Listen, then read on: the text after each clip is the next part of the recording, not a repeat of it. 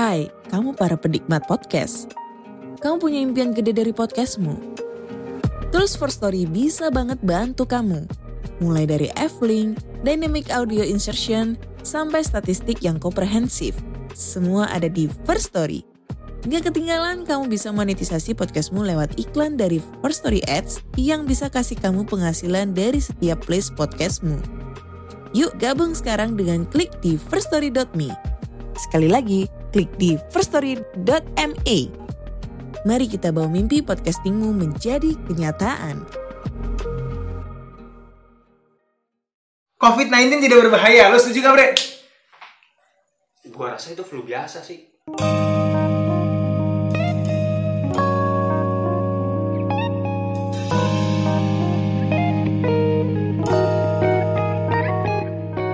Oke guys, di sini gua Randy dan rekan gua. Saya Ah, kita mau coba buat podcast pertama kita. Kita sebut apa nih podcast kita nih, Sen? konspirasi tongkrongan. Oke, konspirasi tongkrongan ya. Atau lebih enak mungkin disebut konspirasi yang dibawa ke ranah warung kopi. Oke. Anjay. Eh, pas banget nih kita ngopi dulu, Jen. Ngopi. Gue seruput dulu ya. Ah, mantap. Jadi gini sih guys, kenapa gua sama rekan gue Vincent ini Lu belum? memutuskan untuk ngebuat podcast ini. Sebenarnya awalnya dari keresahan kita masing-masing sih dari kabar-kabar yang beredar, termasuk Jerings SID. Yoi. Pada saat awal dia debat sama Dokter Tirta, ngebahas masalah teori konspirasi ini dan pada saat mereka ngebahas teori konspirasi ini, gue langsung in a flash tuh inget lo sen. Karena gue inget obrolan kita dulu ya, yang ini tuh udah bertahun-tahun lalu lah. Sebenarnya jatuhnya ini mah hal yang diangkat kembali sih jatuhnya. Iya benar. Jadi ini hal yang ada, redup, ada, redup, ada, Mm-mm. redup. Mm-mm. Gitu Nah, kan? Redupnya kenapa itu? Iya karena orang masa bodoh mungkin gitu kan. Satu, Iya. orang masa bodoh dan ada ada power di belakangnya berusaha menghilangkannya itu. Oke. Iyalah. Oke, oke. Nah, Nah, who is that? Ya, you know who lah. Oke. Iya kan? You know who? You know who lah. WHO. Ah, you know who. Kalau Kalau sebutannya Harry Potter Lord Voldemort tuh. Iya, you know who. di Harry Potter Voldemort. Kenapa WHO itu sangkut pautnya selalu sama orang-orang yang nggak bisa disebutkan namanya gitu kan? Oke. Ya kan di di di Amerika lah, di Inggris lah, ya kan? Seseorang itu tuh selalu yang tentang yang jahat gitu kan, apalagi kayak di Harry Potter itu dibilang Lord Voldemort kan, you know who ya kan? Oke, gitu oke. who gitu who gitu, Mr. Who ya kan? Jadi ini ada teori cocok logi mencocokkan ke dalam film lagi nih. Cocok lagi nih. Gak apa-apa kan warung kopi. Iya. Yoi. Nah, jangan sini- jangan berusaha untuk teredukasi ya di sini. Iya iya iya. Oke guys, pertama yang pertama harus kita sampaikan gitu ya. Kalian jangan jangan merasa setelah kalian menonton mendengar podcast ini Hmm. Kalian bakal mendapatkan ilmu yang wah. Enggak. Karena obrolan kita Enggak. udah warung kopi. Bukan obrolan kelas intelektual ya. No, bukan no, ya. enggak, enggak. Karena kita bukan orang intelek. Enggak. Kita cuma kumpulan anak gak laku ya. Mm-mm. Setuju. Nah, balik lagi. Balik lagi gue mau ngebahas tentang eh Jering sini. Jadi Ah. ada beberapa pernyataan dari Jering sini yang kontroversial, Bro. Mhm. Yang pertama gue sebutin ya. Mhm. Jerings itu menyebut bahwa COVID-19 ini dibuat oleh elit global. Mhm. Sengaja tuh untuk mengacaukan ekonomi atau untuk membentuk sesuatu lah. Tapi intinya dia percaya bahwa ini dibuat oleh elit global. Itu yang pertama. Mhm. Poin keduanya ini, Jerings ini secara tulisan ataupun verbal menyatakan bahwa WHO itu kacungnya Bill Gates. Mhm. Atau kalau kita artikan secara lebih dalamnya, kacung dari Wahyudi. Wahyudi ya. Wahyudi, Oke. Wahyudi ya. Iya, Wahyudi. Oke. Tidak menyebutkan merek. Ya, jadi si Wahyudi ini menurut Jerings ini memiliki power di beberapa media mainstream Ya, dan sengaja membuat kekacau- Narasi. ke- kekacauan ini. ya narasi kekacauan dan kekhawatiran. Mhm. Oke, itu poin kedua. Dan poin ketiga dari uh, statementnya sesepuh Jering sini, Anjay, yoi. dia mengatakan bahwa COVID-19 ini sebenarnya nggak bahaya. Nah, kenapa sih Iya. dokter-dokter banyak yang meninggal, pasien-pasien lain juga banyak meninggal? Itu dia bilang karena stres itu bisa membunuhmu. Jadi karena narasi ketakutan yang dibuat oleh media, Mhm. kita udah terlalu takut, ya itu bisa menyebabkan kematian. Gue pernah baca jadi da- dibilang antibody itu nggak bisa kebentuk kalau lo lagi stres Oke, hmm. jadi emang katanya gitu orang stres itu lebih ya. gampang terkena penyakit ya? Betul. Oke oke. Enggak, itu kan uh, untuk memerangi corona ini kan lu harus kebentuk antibody. Hmm, Gimana bisa kebentuk antibody kalau lu stres? Iya karena gue pernah Gitu. pernah baca juga sih Hmm. terkait dari ilmuwan-ilmuwan sumbernya waktu itu gue baca Hmm. di BBC Mhm. dokter gitu ya Hmm. dia menyebutkan bahwa COVID-19 ini belum ada obatnya. Jadi Hanya bisa ketika dikalahkan oleh antibody. ya dengan imunitas tubuh sendiri. Jadi Ya. ketika lo sakit, lo batuk ya lo dikasih obat batuk. Betul. Lo flu lo dikasih obat flu, lo Aha. panas meriah dikasih obat pereda panas gitu kan. Aha. Dan dibantu dengan ventilator karena si COVID ini nyerang paru-paru. Paru-paru Gitu kan. pernapasan ya. Pernapasan. Jadi lo dibantu dengan alat ventilator ini sampai eh, Antibody lu jadi. antibody lo kebentuk dan Hmm. ngalahin si COVID-19 ini sendiri. Makanya kan which is angka Jangka yang waktunya sih seminggu dua minggu kalau nggak salah.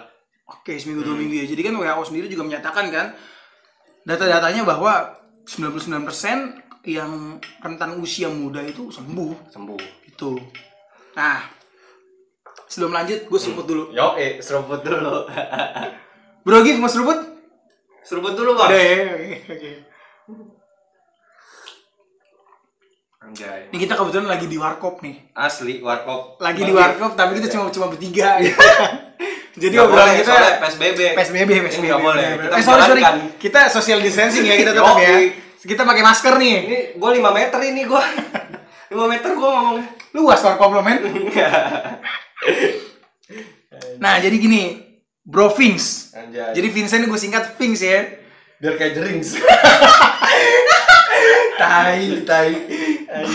Jadi gini Bro Vince. Gue punya tiga pertanyaan dari poin-poin yang tadi gue sampaikan dari statement sesepuh Jerings ya. jerings dan pins. Bangsa. Kenapa gue manggil Om Jerings nih sesepuh karena Keren sih doi. Doi kan drummer SID, Hmm. band punk gitu kan. Salah satu panutan juga lah. Salah satu panutan karena kita main band punk men. Asli. Nah buat lo, lo semua yang mau dengerin lagu kita Dia promo. Bisa mampir ke bisa mampir ke Udah, Spotify. Yankee Brothers atau ke YouTube. Kita juga main punk men. Jadi kalau lo, lo orang yang suka dengerin lagu punk perdamaian segala macam lo harus Anjay. harus harus ya. Ah, Lo harus, ya. wajib. Boleh, iya iya. Coba check out Spotify kita. nah balik lagi oke, oh seruput dulu. Hmm. Relax, relax. Jadi obrolan warung kopi kita wajib relax guys. Jadi nggak fokus nih. Nah. Yuk, apa? Nah di sini gue ingin mengajukan tiga pertanyaan. Hmm. Gue mulai dari nomor satu. Korek mana, Bang? Beli rokok, beli rokok dulu deh. Biar lebih santai lah ya. Oh, eh. Karena obrolan kita ya obrolan warung kopi. Gue ulang lagi tuh. Konspirasi. Konspirasi Anak warung kopi. Oke. eh. Yang pertama pertanyaan gue, apakah lo setuju dengan pernyataan Jerings bahwa COVID-19 ini sengaja dibuat oleh elit global? Setuju. Setuju. Setuju. Apa alasan lo? Alasannya karena eh, apa ya? karena menurut gue ini pertama nih COVID-19 tuh pertama kali udah ditemuin sama ini gue ketemu sumbernya.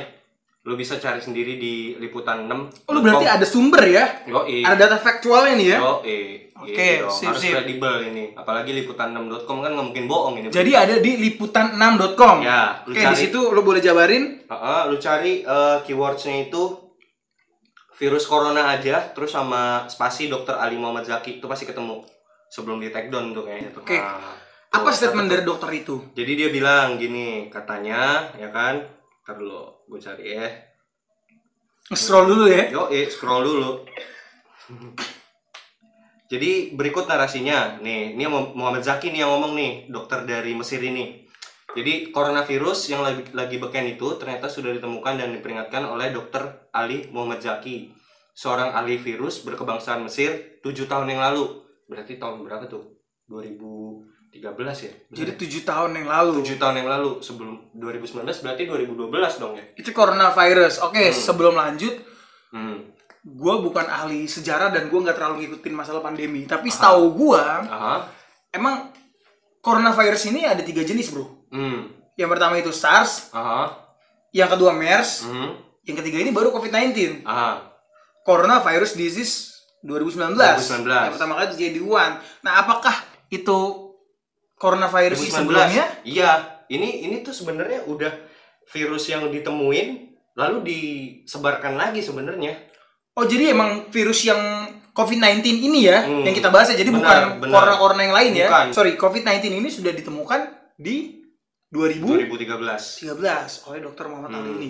Pada perteng nih, gua, gua lanjut ya. Jadi Oke. di artikelnya dibilang pada pertengahan Juni tahun 2013, Ali Muhammad Zaki, seorang ahli virus rumah sakit eh, Dr. Soliman Fakih di Jeddah, Arab Saudi, dapat telepon dari seorang dokter yang khawatir dengan seorang pasiennya. Pasien berusia 60 tahun itu telah dirawat di rumah sakit karena virus pneumonia yang parah. Dan dokter minta tolong Zaki mengidentifikasi virusnya. Zaki pun memperoleh hak dari pasien dan mulai menelitinya. Dia menjalankan tes lab, tes lab yang biasa, hasilnya tak memuaskan, negatif. Lalu Zaki, ini agak panjang nih. Zaki lalu mengirim sampel ke laboratorium virologi yang terkemuka di Erasmus Medical Center Rotterdam. Oke, Belanda. Erasmus tuh Belanda, gue tahu Belanda. Erasmus. Mm-mm. Sambil menunggu tim memeriksa virusnya, Zaki mencoba satu tes lagi. Kali ini hasilnya positif. Hasil tes menunjukkan bahwa ada infeksi yang berasal dari keluarga patogen yang disebut coronavirus. Tuh, flu biasa juga disebabkan oleh coronavirus. Begitu juga infeksi SARS yang jauh lebih mematikan, tapi kali itu beda, beda, Bren. Beda loh. Oke, oke. Berarti bukan SARS ya. Ini Bukan jelas di sini dibilang tuh itu itu coronavirus yang sekarang gitu loh Oke. gitu terus nih gue agak skip dulu lama nih soalnya dan sejak penemuan tahun 2013 pada pasien pneumonia berusia 60 tahun di Arab Saudi itu bukan gak mungkin lagi virus tersebut sudah menjalar ke seluruh dunia termasuk yang parah di Wuhan berarti udah di 2013 itu udah pernah terjadi outbreak Oke, outbreak, the first outbreak. Mm-mm, the first outbreak. Cuman memang nggak mungkin nggak dipublikasiin menurut gua kayaknya di sini. Nah Karena mungkin nggak nggak masif gitu nggak ya. masif nggak masif. Nggak Kan- seperti yang kan terjadi cuman- di Wuhan. Ah, ke- ini kan kayak cuman beberapa orang doang mungkin ini yang si dokter Zaki ini dapat telepon juga kan. Cuman beberapa orang doang gitu kan. Nih orang yang kena pasien pneumonia ini berusia 60 tahun kan gitu. Nah cuman yang yang paling parahnya ini tuh di Wuhan jadi kalau menurut gua kalau misal lu, lu ditanya ini adalah eh, apa tuh namanya rencana elit global gitu. Iya barang barang virus ini udah ditemuin 2013 yang lalu gitu kan terus bisa outbreak lagi di Wuhan Ci- Cina itu tuh kayak maksud gua itu sangat kebetulan. Kenapa ya? Ya gini loh lu pernah main RR6 nggak? Resident Evil. Oke, nah, ya. Resident Evil 6 itu pertama kali dia outbreak itu lu main game awal-awal outbreaknya itu pertama kali di Wuhan kan Pertama kali outbreak di Wuhan. Kenapa bisa sama? Sama kayak yang yang terjadi? Ah, padahal dunia itu luas ya. iya Dunia harus luas, kota-kota itu ada banyak. dan spesifik lagi. Ya. maksud gua itu game Wuhan langsung di Wuhan gitu loh outbreaknya gitu. Mm-mm. nah itu tuh salah satu clue-clue yang bisa lu dapet sih sebenarnya dari game ya kan? Dari film terutama. Oh, jadi itu Hmm. Alasan lo kenapa lo percaya bahwa COVID-19 ini dibuat oleh elit global itu tadi karena sudah banyak skenario-skenario Ah, yang mereka buat entah itu dalam game, entah itu Ah, dalam game. real life yang mereka menyatakan bahwa ini udah ngasih clue gitu loh inilah masa depan yang ingin mereka buat Nah, itu. betul Oke. jadi kayak revelation gitu yang yang udah dibentuk ini loh rencana gue selanjutnya kayak gitu Oke, oke, gue paham, gue paham. gitu Make sense sih. make sense Eh, itu gue rasa sih balik lagi sih ya, balik lagi ke your belief gitu ya, Ah. kepercayaan kita masing-masing. Apakah lo percaya atau enggak? Tapi yang satu hal yang gue percaya ya, gue juga kebetulan itu kebetulan banyak sekali terjadi Banyak- kebetulan banyak kebetulan sekali kebetulan kebetulan. kebetulan gitu ya. Ah.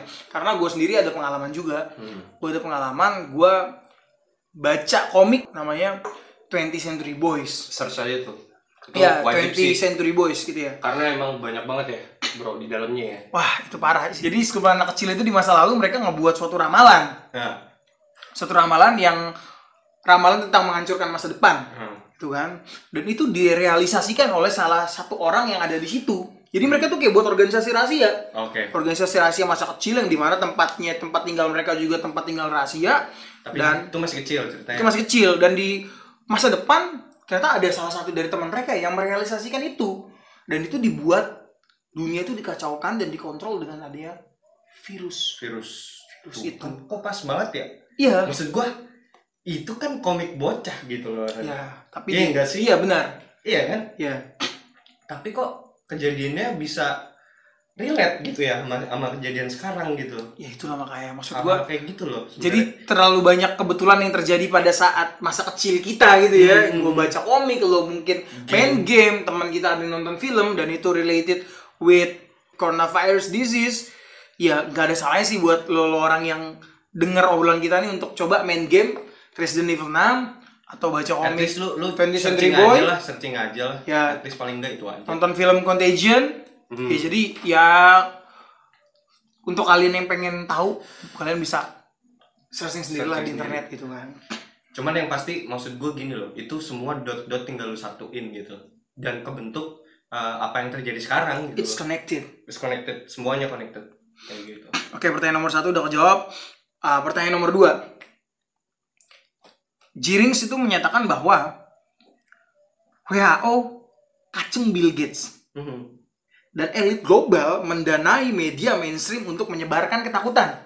mendanai uh, apa Media, mainstream. Jadi elit global Oke, nih benar-benar memiliki power di media mainstream. Mhm.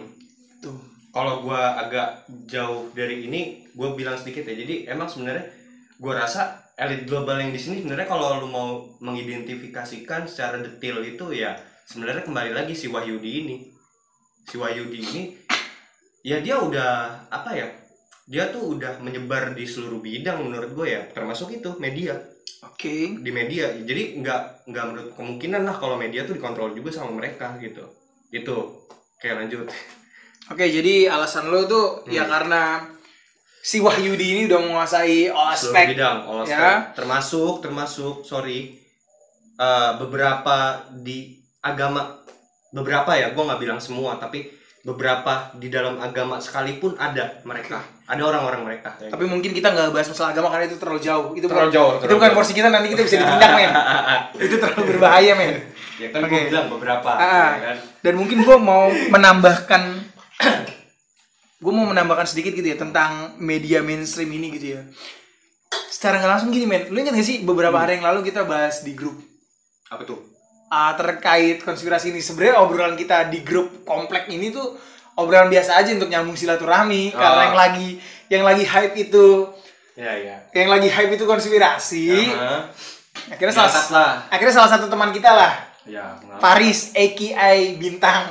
Ya kan dia mencoba Instagramnya Instagramnya Instagramnya Insta Faris. Instagram Nah, dia mencoba mengangkat ini kayak gitu kan. Dia coba mengangkat ini ke grup yang which is ini sih obrolan transfer series obrolan biasa sih ya. Maksudnya ya kita pengen silaturahmi mungkin dengan cara ini kita bisa jadi cekcokan gitu kan. Oke. Kan politik tapi di situ ada beberapa dari teman kita yang nggak setuju gitu loh Ah, dan oke. mungkin pernyataannya mereka itu lebih ke lo ngapain buang-buang waktu ngebahas teori konspirasi Teori karena itu konspirasi. sekedar teori justru lo Iya. wasting time dan ya sorry lo tuh orang bodoh kalau ngebahas ini ya alangkah baiknya lo sodako lo Hmm. bagi-bagi duit gitu kan lo bagi-bagi duit ke yang lain ya gue sih satu hal sih maksud gue ini kalau pendapat gue pribadi ya. Mhm. kalau lo mau nyeramahin kalau lo mau nyeramahin gue terkait bagi-bagi sembako dan segala macem ya emang ketika gue bagi-bagi sembako lo harus ngelihat. Ya ya kan nggak juga. Ataupun ketika gue mau bagi-bagi rezeki ke orang lain lo harus ngelihat ya kan nggak juga men. Dan itu gue bilang sih bukan hal yang wajib gue share di, di-share, grup gitu enggak, no. Terus Karena kalau ketika lu sedekah tuh bukan dilihat orang sih sebenarnya. Iya iya. Terus kalau terkait dari um, mem- dan nggak perlu lu ungkapkan juga kali Ya, itu pasti. gitu tuh Ya. malah nggak jadi pahala ya bang ya ya kita kan bukan Bener youtuber men. Kita kan Iya. bukan youtuber, bukan buat konten ya kan.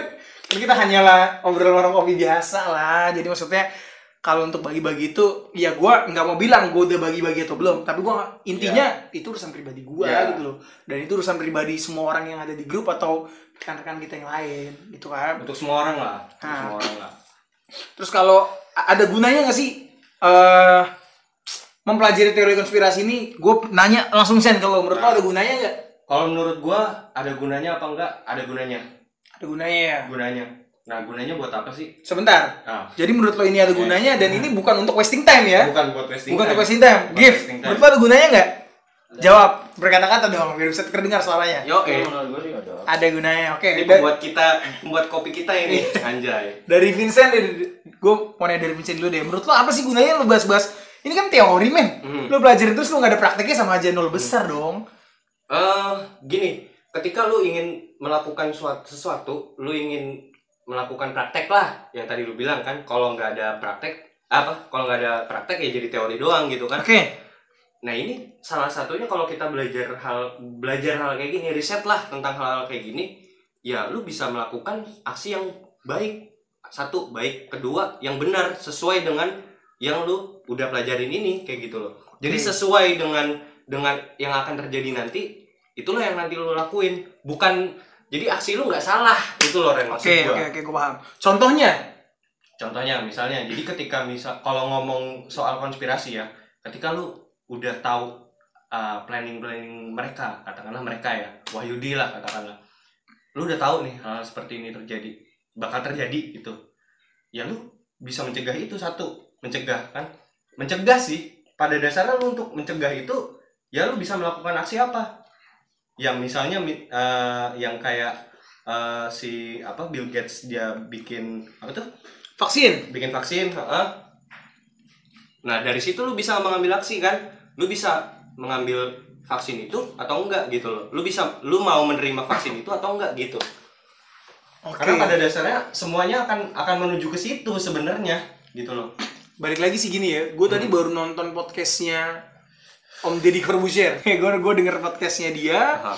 Uh, itu ngo- ngomong bareng sama dokter Tirta juga. oh Yang which is Deddy Corbuzier kan. ya? Deddy Corbuzier kredibel berarti smart, smart Oke, people kan, oke. smart people. Lo mau ngomongin harta kayaan juga dia cukup tajir. cukup kredibel lah Ya, dokter Tirta seorang Nggak dokter kayak, kan. nggak kayak kita kita ini sampah masyarakat anjing lu juga yang dengerin aduh gimana gitu. Nah, sorry. Deddy Corbuzier juga bilang, Eh, lu gimana kalau vir apa vaksin itu udah jadi, lu mau disuntik atau enggak? eh. Dan ternyata jawaban mereka satu kata, men. Mereka nggak ada yang mau disuntik. oh gitu Iya, gue juga bingung kenapa mereka orang-orang smart people ini mereka nggak mau disuntik. Apa mereka juga percaya teori konspirasi? Ya, ya manos ya. Iya, betul. Gift mungkin ada pendapat Hmm. tentang apa nih ya tentang Ketika lu dikasih anti apa? Antivirus itu. Vaksin itu gitu. gue pribadi sih gue bakalan nolak Hmm. lo bakal nolak. Hmm. bakalan nolak karena ya jujur aja sih gue juga mungkin nggak tahu ya apa sih isi dari vaksin Isi dalamnya, apa, gitu apa sih Benar. pengaruhnya apakah efek Benar. samping yang bakalan gue rasain ketika gue disuntik vaksin itu Hmm. gitu mungkin memang jika itu memang benar vaksin gitu Sembuh gitu. bakalan sembuh tapi apa ya sebelum ada vaksin ini pun juga hidup kita sehat-sehat Sehat-sehat aja aja. Iya.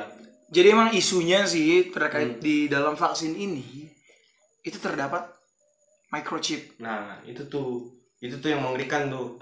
Apa sih microchip ini? Nah, untuk teman-teman yang mungkin sudah dengar atau belum dengar, jadi microchip ini tuh kayak semacam proyek di mana segala data diri lo, Segala data diri lu. data Eh, bank, Bank eh, apa ya? ID, ID lu. ya, Kalau di Indonesia dikenal dengan KTP lah. ya, KTP, SIM gitu. Pajak. Semua pokoknya lah, semua, ya. semua, semua. it's all about you. Itu Dan- ada dalam chip Ah, ah. itu. Termasuk ya mungkin bisa Location? jadi- location Ya. GPS benar-benar Eh, apa sih eh, media sosial lo Oke. media sosial lo di dalam situ semua So it's like one ID card Ya, kayak ID card gitu lah it's like one seeing eye. Intinya microchip itu is really dangerous things for me. Iya, iya. Karena menurut gue gini Ren, itu privasi bro. Ya. Itu privasi. Maksud gue ketika orang eh, entah elit, entah menggunakan apa pun itulah buat kegunaannya lah fungsinya gitu. Intinya gue nggak mau privasi gue tuh diganggu gugat. Ya.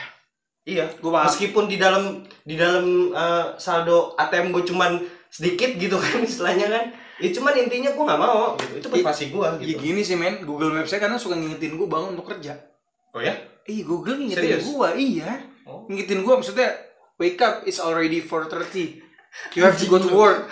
Anjing lu siapa ya bangsat Men, kayak- Emang gue kagak kan gitu Kayak Iya, rumah rumah gue pun dia tahu. Jadi kayak misalnya Ah, gue set iya, iya, maps iya. langsung ke home, dia juga langsung tahu Ah. rumah gue di mana gitu kan. Nah itu udah itu baru terconnected on your device. Jadi sebenarnya Dan itu Hmm. menurut gue ketika itu masih dalam tahap ponsel lo, sekalipun itu rada ngeganggu tapi eh, Is oke lah, lu ketika lu nggak mau dilacak buang handphone lu, Iya kan? Lu nggak mau dilacak nih, lu jadi buronan CIA atau buronan apa? itu yang dilakuin uh, para buronan sih yang gue Ya. tahu ya. Jadi kayak kayak lu tuh pengen kabur dari peradaban gitu ya, lu buang handphone Ya, lu, lu atau mungkin lo hack atau ngapain lah, gua nggak Ah. nggak paham gitu kan. Ah, ah. Tapi ketika itu sudah ditanam dalam tubuh lu, lu mau ke mana lagi? lu mau ke mana? Anjir. Mau lu potong tangan lu? Iya, enggak karena yang gue tahu gini Ren, dia letaknya ya, gua gua kurang ini tapi yang pernah gue baca tuh jadi letaknya cuman beberapa milimeter doang di dekat nadi gitu. Men. iya, jadi kalau ya lu korek, ya nadi lu ke, ke korek lah coy gitu. Iya enggak sih? Iya kan? Itulah itu Nah. bahaya dari dari microchip itu ya. Terus gini, kalau ada orang nih yang nanya nih bre, Dan ada isu itu kan si Bill Iya, Gates katanya mau iya. nanemin chip itu. Nah itu gini, kalau kalau ada orang yang nanya, kenapa Bill Gates repot-repot bikin vaksin untuk nanemin microchip? Nah kita ada sedikit obrolan gitu ya. Mhm. Microchip itu ada banyak pertentangan, Hmm. khususnya di kalangan Kristen. Mhm. Karena ya emang kalau di Kristen itu ada ditulis di ya di kitab itu bahwa Six six six.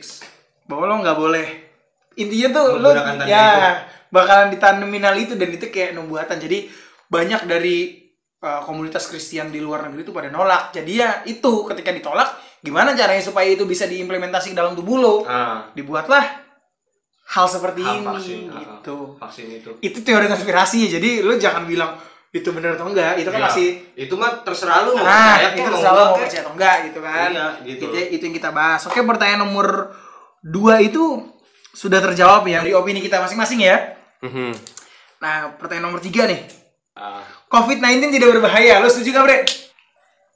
Gua rasa itu flu biasa sih. Gua rasa itu flu biasa sih. Anjir, Sphinx, Sphinx. Duplikatnya Jerings lo, Bre. Kalau menurut lo itu flu biasa itu ya? flu biasa yang berevolusi sih. Dan kalau nggak akan berbahaya sih kalau misalnya se nggak selama dia penyebarannya contagionnya nggak lewat apa airborne. Itu. Oke. Kalau menurut lo, Bro Gif, itu bahaya gak? Eh, menurut gue sih tergantung ya. Ini di sini ada, Tergantung. ada, ada tanda kutip tergantung ya. Hmm. Semua penyakit itu mungkin berbahaya. Ada Oke. orang, Yang kenapa ada yang bilang gini. Ah, ada yang bilang sekarang menurut eh, kalau sorry kalau gua tanya balik, Ah, masuk angin itu bahaya apa enggak? Masuk angin. bahaya coy. Bahaya kan? Bahaya. Gue pernah hampir tumbang itu. Tapi banyak juga orang yang bilang ah nggak apa-apa cuma masuk angin. Iya. Oke. Nah, mungkin Relatif. Tergantung gitu loh menurut gue I- sih tergantung. Itu tergantung masuk anginnya sudah banyak. Mungkin kalau satu galon, hebat sekali lo. Asli coy, pernah gue hampir tumbang, pernah pernah masuk angin. Iya kan? Oke, jadi itu depends ya kalau menurut lo ya, Tergantung- bahaya atau Tapi ya. itu- tergantung ke siapa kenanya sih. Apa itu angin duduk? Masuk angin bukan sih? Masuk angin. Masuk angin bahaya. Masuk angin kan? Bahaya itu. Itu masuk angin coy. Benar, bahaya. Mati lu. Hmm. Kalau dari gue pribadi sih dibilang COVID-19 tidak berbahaya, gue kurang setuju ya kalau gue. Hmm. Kalau pendapat gue pribadi gitu, ya, pendapat gue pribadi sih karena gue pernah nonton kesaksian orang yang kena COVID-19 ini katanya batuk gitu udah kayak seperti orang asma segala macem gitu kan sampai kencang banget sampai dia panas itu sampai sampai ke dalam dahi gitu. Iya, kalau menurut gue bahaya gitu. Tapi mungkin Hmm. nggak seberbahaya yang diberitakan oleh media yang lu kayak apa-apa tiba-tiba kena covid, kena covid, kena covid, kena covid penyebarnya kayak masif cepet banget men gitu loh. Dan itu gue pribadi sih nggak tahu. Iya, kita nggak tahu sih. Gue nggak tahu tapi kalau gue pribadi meyakini itu bahaya, ya gue sependapat dengan dokter bahwa itu berbahaya. Tapi lebih berbahaya lagi ketika lo udah kena, lo khawatir berlebihan. Tuh, itu lebih bahaya lagi. Jadi sebenarnya yang lebih bahaya itu berita toksiknya.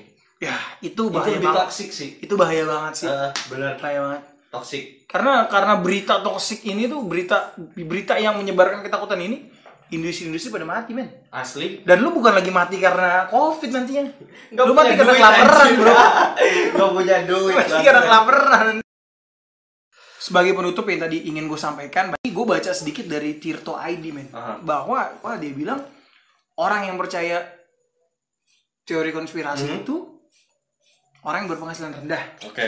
pertama yang kedua orang yang bermental lemah Oke. gitu kan Mhm. jadi sorry nih gue harus mengatakan bahwa Tirto ID ini kan media besar gitu Itu kan followersnya juga banyak Hmm. tapi kenapa lu ingin mengkotak-kotakan orang Betul. dalam segi penghasilan Betul. Lu jadi nggak subjektif kayak gitu Ren. ya jadinya kita nih Eh, sebagai nggak sudah. Maksudnya lu jadi subjektif lah kayak gitu lah. Ah, Lu jadi kan gini loh objektif dong. Iya. Berita itu objektif bukan subjektif. sorry jadinya gini jadi gue nih sebagai pembaca berita lo dan mungkin orang-orang lain jadi membaca berita lo gue satu ilfil kedua gue jadi lebih percaya teori konspirasi nih Betul. jadi media mainstream ini sengaja dibayar Aha. untuk membuat skema yang sedemikian rupa gitu loh Betul. Jadi emang emang emang iya sih kelihatan banget kayak mereka tuh emang berusaha apa ya membuat orang-orang tuh berpikiran bahwa orang yang percaya konspirasi ini tuh sampah gitu loh. ya Ya pada dasarnya memang iya gitu loh. Ya lawannya siapa ya para elit gitu. gila men musuh kita berat banget men Asli coy. Apa yang enggak? Lu dari kecil udah dicekokin ilmu-ilmu pengetahuan dari mereka, ya kan? Gitu loh. Oke guys, jadi eh, kesimpulan dari diskusi kita pada malam hari ini di warung kopi Bung Gif Anjay. itu intinya kalau dari kita pribadi bertiga berembuk ya jangan terlalu percaya apa yang dikatakan media Tuh. karena apa yang lo lihat itu belum tentu benar.